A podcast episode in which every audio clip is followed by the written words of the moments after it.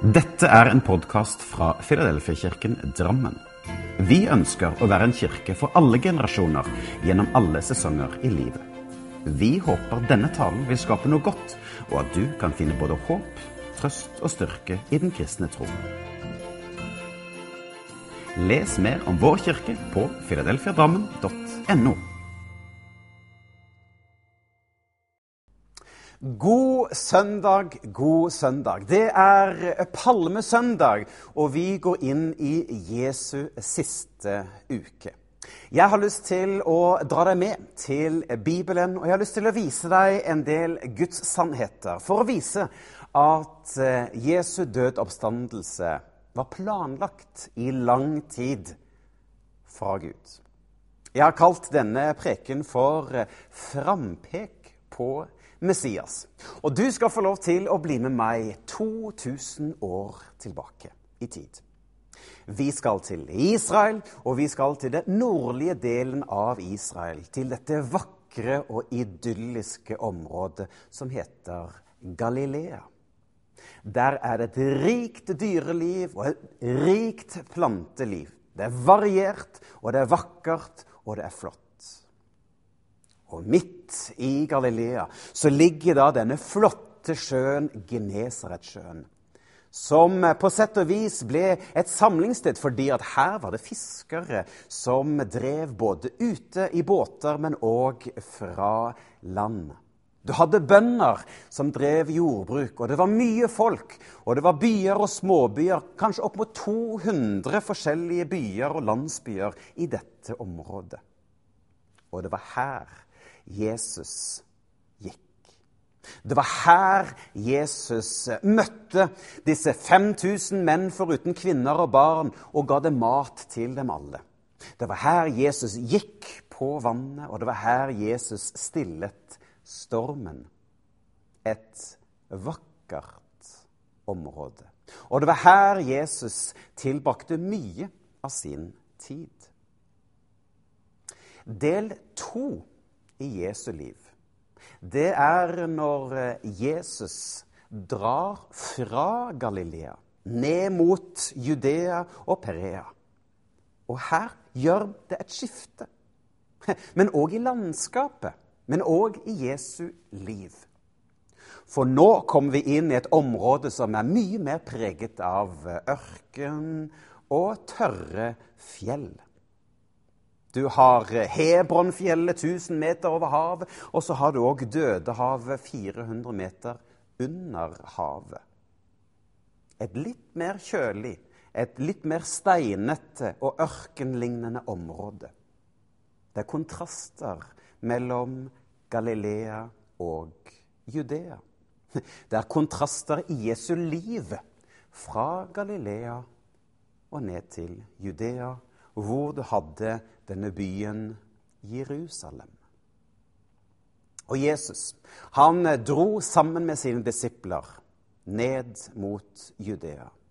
Og vi kan lese i uh, Lukas 18 at han sier til sine disipler Nå går vi opp til Jerusalem, og alt det profetene har snakket om, skal bli oppfylt. For jeg skal bli overgitt til de romerske myndighetene. Og jeg skal bli hånet, mishandlet og spyttet på. De skal piske og drepe meg, men etter tre dager skal jeg stå opp igjen. Alt det profeten har skrevet om meg, skal bli oppfylt. Alt det profeten har skrevet om meg, skal bli oppfylt fordi at Det gamle testamentet det oser av frampek på Jesus. Mange historier fra Det gamle testamentet gir tydelige eller litt mindre tydelige frampek på Jesus. Tenk over eh, Noah. Det var arken til Noah som eh, reddet Noah og familien. Og på samme måte er det Jesus og hans frelse som redder oss. Vi kan se ifra Abraham, som var villig til å ofre sin sønn Isak. På samme måte ofrer Gud sin sønn Jesus. Jonah, han var i eh, hvalens mage i opptil den tredje dag. Og på samme måte var Jesus òg i graven til den tredje dag. Josef, som ble både mishandlet, han ble solgt, solgt som slave, urettferdig dømt. Ja, på samme måte ble altså òg Jesus både urettferdig dømt, mishandlet og plaget, og til og med forlatt av sine nærmeste. Rødehavet ble åpnet da Moses fikk hjelp fra Gud for å redde israelsfolket. Og på samme måte så er det med Jesus. Da han dør og står opp igjen, så åpnes veien til Gud. Hm. Det finnes mange frampek på Jesus i Det gamle testamentet. Men Bibelen snakker òg om eh, Messias. Ja, denne Messias Vi skal få lov å se litt nærmere på det. For at jødene i Det gamle testamentet de har gått og ventet i generasjoner på denne Messias som skulle komme. Og han eh, var lik David, ja, denne kongen som ble et forbilde for eh, Messias. Som skulle bringe fred og ro i landet. Men Messias, det er både denne kongeskikkelsen som han lengter etter, men òg øverstepresten. Messias, det greske ordet for Messias, er Kristus. Og det betyr den salvede. En konge og en øverste prest.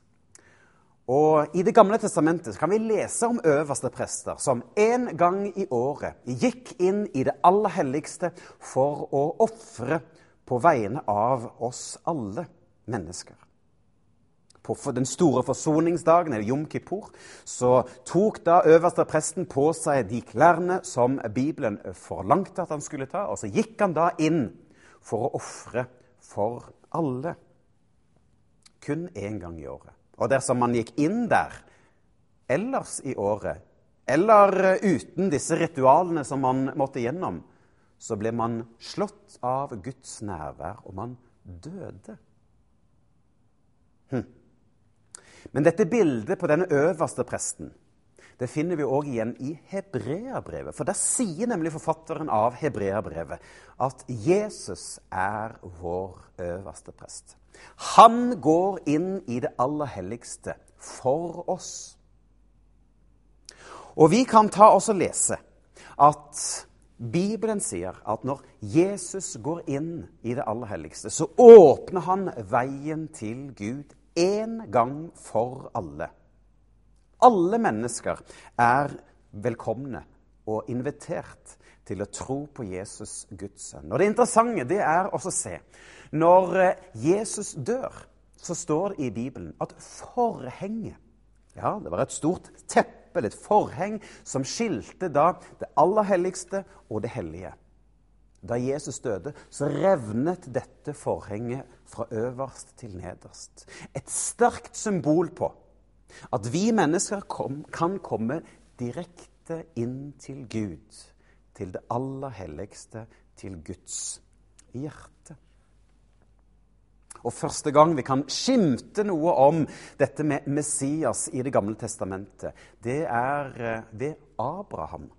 I første Mosebok 12 så står det om at Gud ga et løfte til sitt folk og til et land gjennom Abraham. Og i dette løftet så lå det òg et budskap om Messias og om frelse for en hel verden. Men òg salmene der finner vi rikelig med Messias-profetier. Og Der kan vi ta oss og lese, bl.a. i Salme 89, at det står Jeg har opprettet en avtale med min Messias, han som er min utvalgte. Dette har jeg sverget for min tjener David. Jeg vil gi din slekt en solid grunn som de skal få ha til evig tid. Jeg vil bygge opp en trone som skal være din fra slekt til slekt. Men òg i dette Natan-løftet, som vi kan lese om i 2. Samuels bok 7, der Natan kommer og utfordrer David fordi han har syndet. Men da sier da Natan til David at når du har levd ferdig de antall dager som er bestemt for deg, og du dør og hviler hos forfedrene dine, skal jeg la etterkommerne dine videreføre dette kongedømmet. De skal bygge et hus for navnet ditt, og jeg skal gi tronen hans en fast grunn. Og kongedømmet hans skal vare til evig tid denne Messias-lengselen den vokser etter David dør og framover. Vi kan lese i Salmenes bok, vi kan lese i Zakaria og Jesaja og Mika at det skal komme en Messias. Det skal komme en Kristus som skal åpne veien til Gud men òg være denne kongeskikkelsen, eller denne ypperste presten, øverste presten, for oss mennesker. Og Noen de kan hevde at det, gamle testamentet er ikke så viktig, for det handler om Det nye testamentet, om Jesus og det som vi kan lese om han. Men jeg vil si at Bibelen blir litt fattigere hvis vi bare leser Det nye testamentet. For Det gamle testamentet har en rekke profetier og frampek på Jesus. At han skal komme og frelse verden en gang for alle. Og det er dette som er Bibelens røde tråd. Og Bibelen, i Det gamle testamentet, har en rekke profetier som er enda tydeligere enn det vi har lest til nå. Og da er det profeter som 400, eller helt opptil 700 år før Jesus ble født, skriver om alt dette som skulle skje. Og disse profetiene de har ofte en dobbel bunn. Ja, det betydde at det var en profeti for nær samtid. Altså var det noe i nærheten som skulle skje om det profetene kom og fortalte. Men det lå òg denne doble bunnen om at eh, en dag så skal Messias få lov til å komme. Han skal bli født på denne jord. Denne kongen, denne øverste presten som skal komme. Men noen av dem har òg denne eskatologiske perspektivet på seg om endetiden som kommer etter hvert. Men jeg har lyst til å dra det inn i noen av profetiene som handler om Jesus og budskapet rundt påske. For det står i Bibelen, skrevet 400 år før, at Jesus skulle komme ridende på et esel. Det står at en av disiplene skulle forråde ham. Det står òg at han skulle bli forrådt av 30, for 30 sølvpenger. Det står òg at Messias skulle bli dømt til døden. Det står at Jesus skulle bli pisket. Jesus som skulle bli torturert og korsfestet. At han skulle bli naglet til et tre. At han fikk eddik å drikke mens han var på korset. At spydet ble stukket i hans side. At de skulle kaste lodd om klærne hans. Og at ingen av hans bein skulle bli brutt, men òg at han skulle stå opp igjen fra de døde. Alt dette er skrevet altså flere hundre år før det skulle skje. For alt det profeten har skrevet om meg, skulle bli oppfylt. Det er palmesøndag. Og Jesus han rir altså inn i Jerusalem. Og vi skal til Matteus 21. For vi kommer nå til denne jødiske påsken som begynner akkurat nå. Og mange jøder kom nå til denne byen Jerusalem fordi at de skulle minnes om at Moses ledet folk ut av Egypt. Og Derfor er det rikelig med mennesker, og det er stor entusiasme. Det blir nærmest en sånn 17. mai-stemning som skjer altså i Jerusalem. Og Jesus, når han da kom ridende, så hadde folk hørt om Jesus. De hadde hørt om at han kunne gjøre under, at han kunne forkynne. Så derfor så ble det stor stemning da de så at Jesus kom.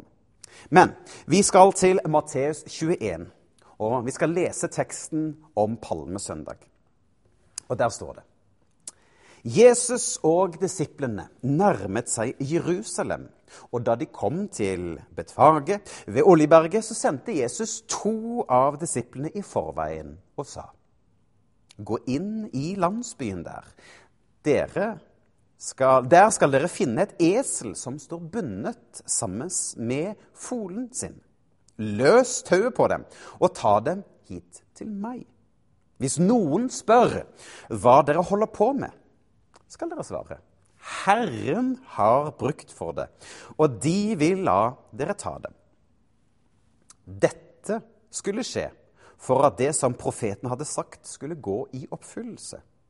Si til Israels folk, dere skal se kongen deres komme til dere. Han er rettferdig og kommer med frelse, ydmyk og ridende på en eselfole. Disiplene gikk av sted og gjorde som Jesus hadde bedt dem om. De kom tilbake med eselet og eselfolen. Så la de klærne sine på eselet, og Jesus satte seg opp på det. Mange mennesker la klærne sine på bakken foran ham. Og andre skar grener av trærne og spredte ut over veien. Folk gikk både bak ham foran ham, og de ropte, Hosianna, Davids sønn, velsignet være Han som kommer i Herrens navn.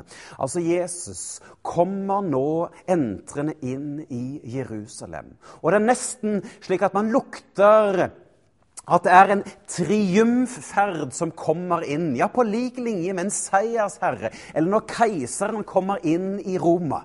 Folk jubler, og folk er i ekstase. Keiser og seiersherrer de kom ofte med hester ja, for å markere krig og seier i krig. Men Jesus kom med et esel som indikerer fred og ydmykhet. Og Jesus han viser nå gjentatte ganger at han oppfyller de profetiene. For Zakaria skrev nettopp dette for 400 år før. Fry dere stort, Jerusalems folk. Bryt ut i jubel, for se, deres konge kommer til dere. Han er rettferdig og kommer med frelse. Ydmyk og ridende på en eselfole. Og Matteus, nei, Markus han kommenterer denne eselfolen fordi han sier at det var ingen som hadde sittet på den. Og det var noe med at denne eselfolen ser vi i Bibelen. Fjerde Mosebok, kapittel 18, vers 2, eller femte Mosebok, kapittel 21, vers 3. Så står det at dyr som skulle brukes til hellige oppdrag, skulle ikke være brukt til hverdagslige gjøremål. For alt det som profeten har skrevet om meg, skulle bli oppfylt. Påskehistorien. Påskehistorien har mange kontraster. Den er fylt av hosianna-rop eller spott, bekjennelse og fornektelse, død og liv, åpenbaringer og hemmeligheter. Det store dramaet og den stille smerten. Påsken er en tid med sterke følelser og sterke farger. Velkommen inn i påskens historie. En uke som skulle forandre en hel verden. Jeg har lyst til å be en bønn. Vi skal fortsette denne historien på skjærtorsdag og eh, første påskedag for å fortelle mer om dette som Gud på forhånd har planlagt for å gi oss frelse, for å gi oss liv i ham. Herre, vi kommer til deg. Takk for at vi kan få lov til å lære mer om deg og ditt rike. Og takk for at vi kan få lov til å se at du på forhånd har bestemt i detalj hva som skulle skje. Vi takker deg, Herre, for at frelsen er for alle. Og Herre, må denne påsken bli en påske der vi kan få lov til å komme nærmere deg, få lov til å lære mer om deg, slik at vi kan få lov til å bli betatt av dette store dramaet som gjelder for oss. Takk, Jesus, for at vi kan tro på deg. I Jesu navn. Amen.